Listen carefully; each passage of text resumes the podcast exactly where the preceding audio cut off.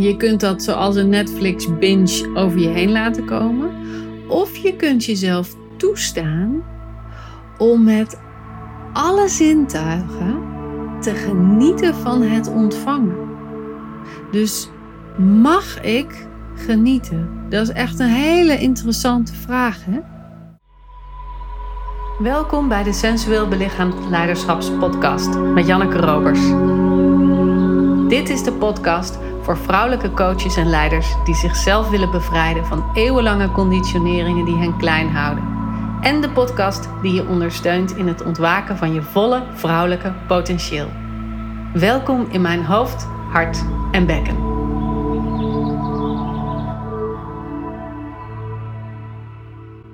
De vorige aflevering ging over de vraag: hoe kan ik meer genieten van ontvangen in plaats van mijn aandacht steeds bij het geven te hebben? Het was een vraag van een podcastluisteraar en ik vond hem zo mooi omdat hij zo van toepassing is op mensen die in een begeleidende functie zitten, zoals een coach, een trainer, een leraar, een, een zorgmedewerker. Wij zijn bijna van nature zo gewired dat we de aandacht hebben voor de ander in plaats van de aandacht bij onszelf. Dat is waarom we dat vak hebben gekozen. Maar we lopen ook leeg als we te veel geven in plaats van onze aandacht ook bij het ontvangen te hebben. Daar ging de vorige aflevering over. Heb je die nog niet geluisterd? Doe dat dan eerst even. Want in deze aflevering wil ik het hebben over dat stukje genieten. Hoe kan ik genieten van het ontvangen? En dat is een heel specifiek onderdeel van ontvangen. Maar het is ook een onderdeel van het hele leven. En dat genieten komt in heel veel onderdelen terug. En daarom wil ik daar een specifieke aflevering over wijden. Omdat als je dat genotstuk wat beter in de vingers hebt, kun je het op heel veel aspecten van je leven toepassen. En komt er dus veel meer ruimte voor genieten. En wat betekent genieten nou eigenlijk? Dat gaat over plezier beleven aan iets wat je doet of ervaart of voelt. En als je het woord plezier gebruikt, dan is dat in deze wereld een nogal beladen woord. En waarom zeg ik beladen? Omdat de meeste mensen denken dat plezier een soort extraatje is, een soort fluff is, een soort. Nou, dat mag er ook nog wel bij als we eerst het harde werken hebben gedaan. Daar had ik het in de vorige aflevering ook al. We leven hier in een christelijke maatschappij, of je nou gelooft of niet. We zijn opgevoed met dat christelijke idee. En vooral in die Calvinistische wereld, waarin we hebben geleerd dat we hard moeten werken en dat het plezier of het genot of de, de heerlijkheid in de hemel pas komt. De aarde is om uh, hard ons best te doen, om veel problemen op te lossen, veel trauma tegen te komen, veel verkrampingen te ervaren. Maar als we nou eenmaal heel goed dat hebben doorstaan, dan krijgen we de beloning in de hemel. En of je nou kijkt naar het stuk van leven en dood, of dat je nou kijkt op een kleiner tijdsaspect, gewoon van één dag of van je werk of van je weekend bijvoorbeeld, maakt niet uit wat. Maar als je kijkt naar een tijdsbesteding, dan zit dat er vaak in. We nemen een kopje koffie na de wandeling. We mogen naar de sauna nadat we ons werk hebben gedaan. We mogen op vrijdagavond een drankje drinken of gaan dansen in de discotheek als we de hele week gewerkt hebben. Dus de beloning zit altijd nadat we onze input hebben geleverd, nadat we energie hebben verbruikt, nadat we ons best hebben gedaan. Terwijl als je het dus steeds uitstelt, dan kom je dus ook nooit toe aan dat aspect van genieten. Dan kom je nooit toe aan dat aspect van plezier hebben. Dat is wat ik bedoel met er zit een lading op. En voor mij is er een heel duidelijk verschil tussen plezier en vertier. Plezier is iets wat ons diepe, diepe geboorterecht is. Als we hier niet zijn om plezier te maken, als we hier niet zijn om voluit te genieten, als we hier niet zijn om onze volle levenslust te kunnen ervaren, waarom zijn we hier dan? Wat is het nut hiervan dan? Ik begrijp dat helemaal niet. Volgens mij is het nut van het leven, en dan is nut ook alweer een grappig woord, hè, want dat heeft ook al te maken met dat het een functie zou hebben, is op en top genieten. Van dat wat je ervaart, dat wat je voelt, dat wat je meemaakt, ongeacht of het een zogenaamd positieve ervaring of negatieve ervaring is. Je kunt ook genieten, je kunt ook plezier ervaren, je kunt ook blijdschap voelen in negatieve ervaringen. Die zijn altijd anders, anders dan met positieve ervaringen. Maar er zit een aspect van ruimte van overgave van levenslust ook in de minder fijne ervaringen. Alleen hebben we dan wel beter te zoeken naar waar dat in ligt. Nou, het verschil tussen plezier en vertier, waar ik het net over had. Vertier is vermaak, is een vorm van verslaving die ervoor zorgt dat je even uitgaat en dat je tijd doorloopt. Bijvoorbeeld s'avonds Netflix bingen. Hartstikke vorm van vertier. Je wordt vermaakt door iets wat buiten jezelf ligt en wat ervoor zorgt dat de tijd verloopt. Door de winkelstraat heen shoppen op zaterdag. Ook zo'n vorm van vertier. Plezier is precies hetzelfde, maar dan met een diepe vorm van verbinding en openheid aan je zintuigen. Dus ik kan me ontzettend vermaken in de bioscoop. En dan vermaken is natuurlijk het verkeerde woord, maar ik kan ontzettend genieten van een avondje uit in de bioscoop. Soms alleen of soms met mijn man. En dan al die indrukken op me af laten komen. Dat grote scherm, dit hele grote donkerte om me heen. Die emotionele verhaallijn. Die geweldige geluiden. En dan moet ik wel opletten in wat voor film ik zit. En ik moet echt niet in zo'n 3D-ervaring of zo'n 5D-ervaring ding zitten. Waarin je allemaal input krijgt. Ik hoef niet te veel prikkels te hebben. Maar ik kan wel op en top genieten van die ervaring. En ik kan het verschil ook voelen of ik op de bank zit en Netflix kijk om me te vermaken of dat ik op de bank zit en diep in verbinding ben met mezelf of met mijn partner of met mijn kind. En geniet van dat wat we voorgeschoteld krijgen. Maar dan ben ik actief bezig met plezier ervaren van het moment. En zo kun je ook doelloos door een winkelstraat heen lopen. Of je kunt die kleuren opnemen, inspiratie opdoen, um, verrast worden door de manier waarop etalages ingericht zijn en het ervaren als een soort van wandeling door een museum, alleen dan doe je dat door de stad. Super groot verschil. En ook een groot verschil of je na afloop energie over hebt of dat je leeggelopen bent.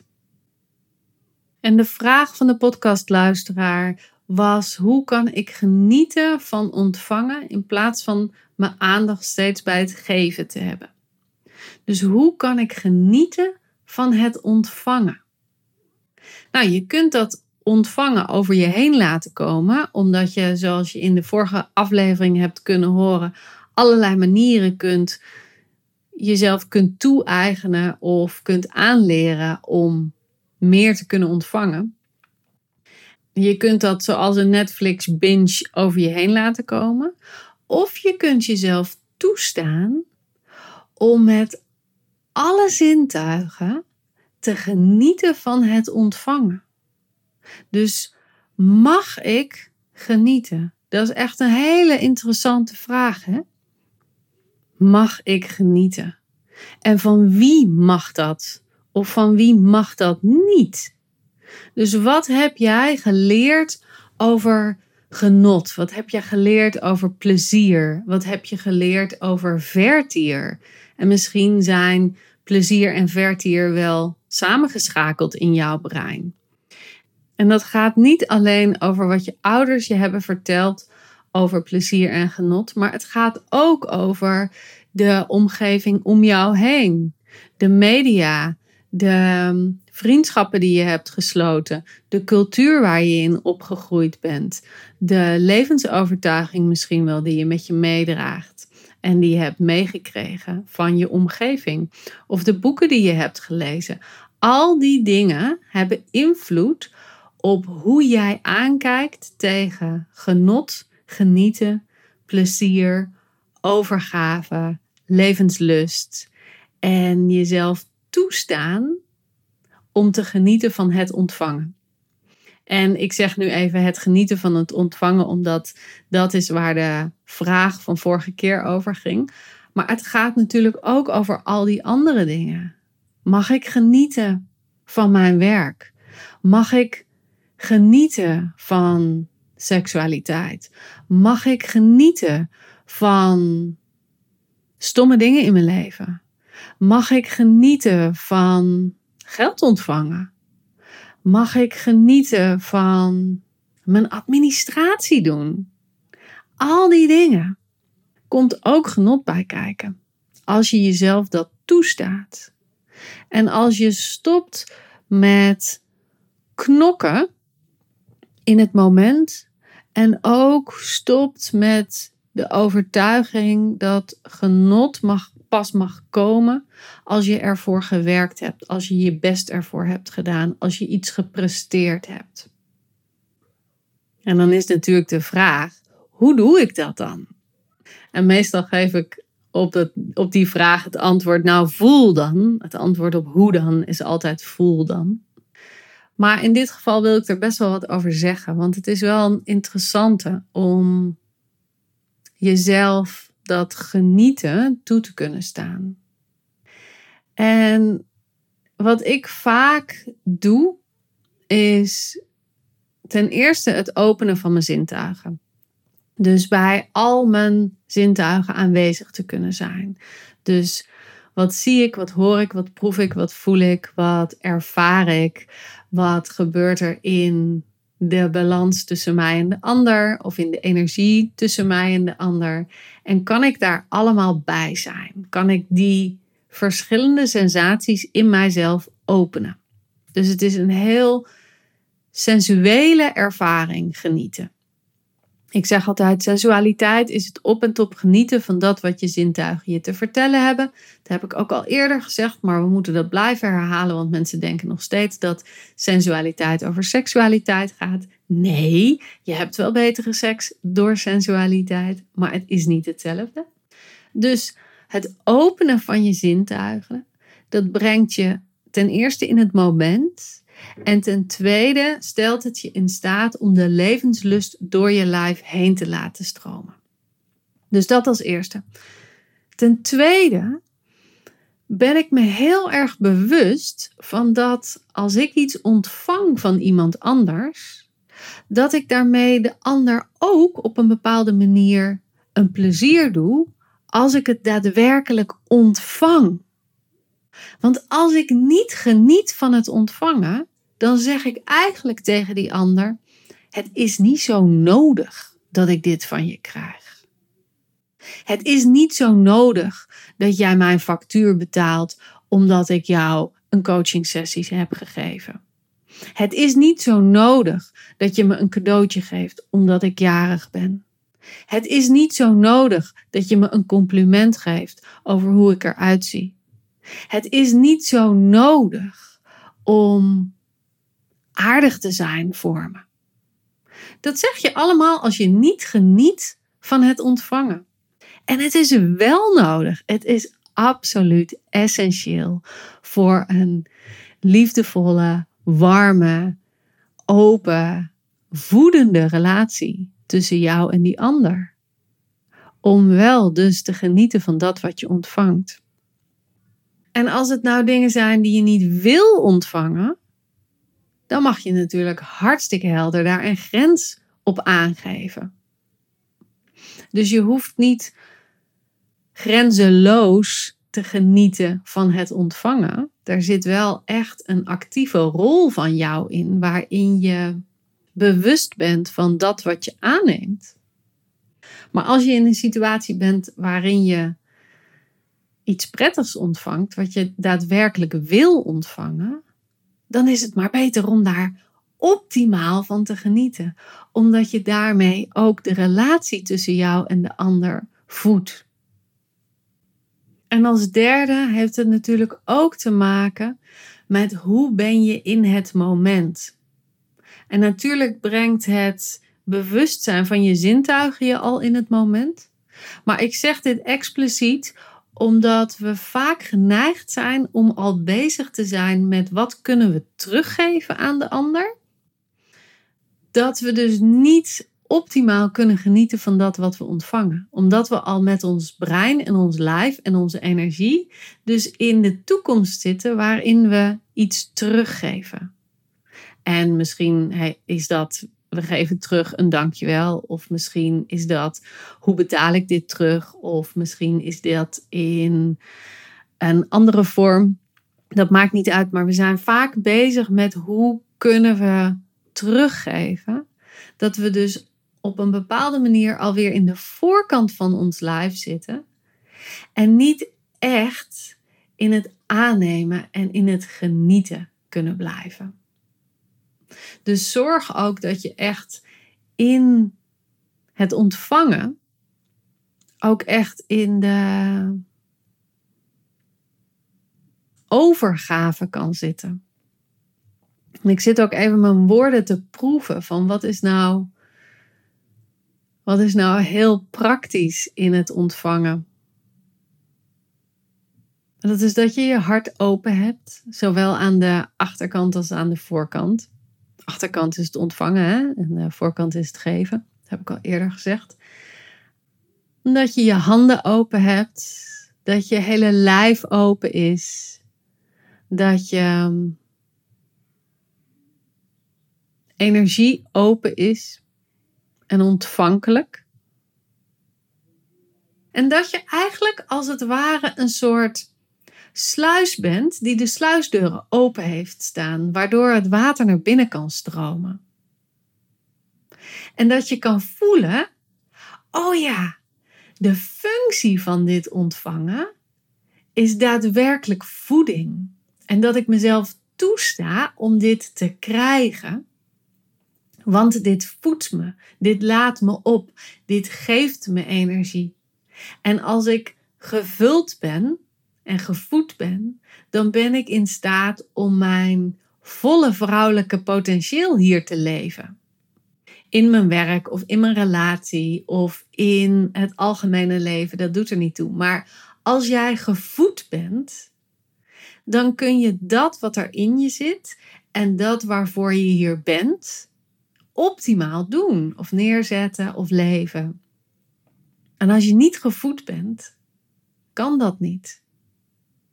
En voeding heeft absoluut te maken met de mate waarin je geniet van dat opnemen van die voeding. Of dat nou is dat je een massage krijgt, of dat je financieel gevoed wordt, of dat je materieel gevoed wordt, of dat je energetisch gevoed wordt al die vormen van voeding, die zijn exponentieel voedzamer op het moment dat je er op en top van geniet. Nou, dit was deel 2 van de aflevering over hoe kan ik genieten van het ontvangen in plaats van alleen maar met mijn aandacht bij het geven te zijn. En nu ik deze aflevering opgenomen heb, is er ook nog een deel 3 nodig. En dat deel 3 gaat over wat doen we nou wat ons weerhoudt van dat genieten en dat plezier ervaren in dat wat we krijgen. Want als je de pleziersaboteurs weet, dan kan je ze ook herkennen in je eigen leven. En dan kun je ze ook omturnen. En in plaats van een saboteur, een, een voeder ervan maken. En dat is waar de volgende aflevering over gaat. Dus blijf erbij. Uh, klik op volgen op Spotify of op iTunes, zodat de volgende aflevering ook automatisch in je feed terechtkomt. En heb je nou een vraag over deze aflevering of een andere aflevering? Rijk gerust even naar me uit. Stuur me een DM op Instagram. Ik vind het altijd super leuk om van je te horen, want dan weet ik ook wie er luisteren. En wil je nou mijn persoonlijke feedback op jouw unieke situatie als het gaat over je begeleiderschap, je coachschap, je leraarschap, je traineeschap of de manier waarop je omgaat met geliefde klanten en mensen in je omgeving. Kijk dan even bij Voluit Vrouw zijn mijn jaarprogramma, want dat is waar ik persoonlijke begeleiding aan je kan geven. En dan hoop ik binnenkort een gesprek met je te hebben daarover en kunnen we samen kijken of dat passend voor je is. Voor nu een warme knuffel en ik hoop dat je er graag de volgende keer bij bent. Doei doei!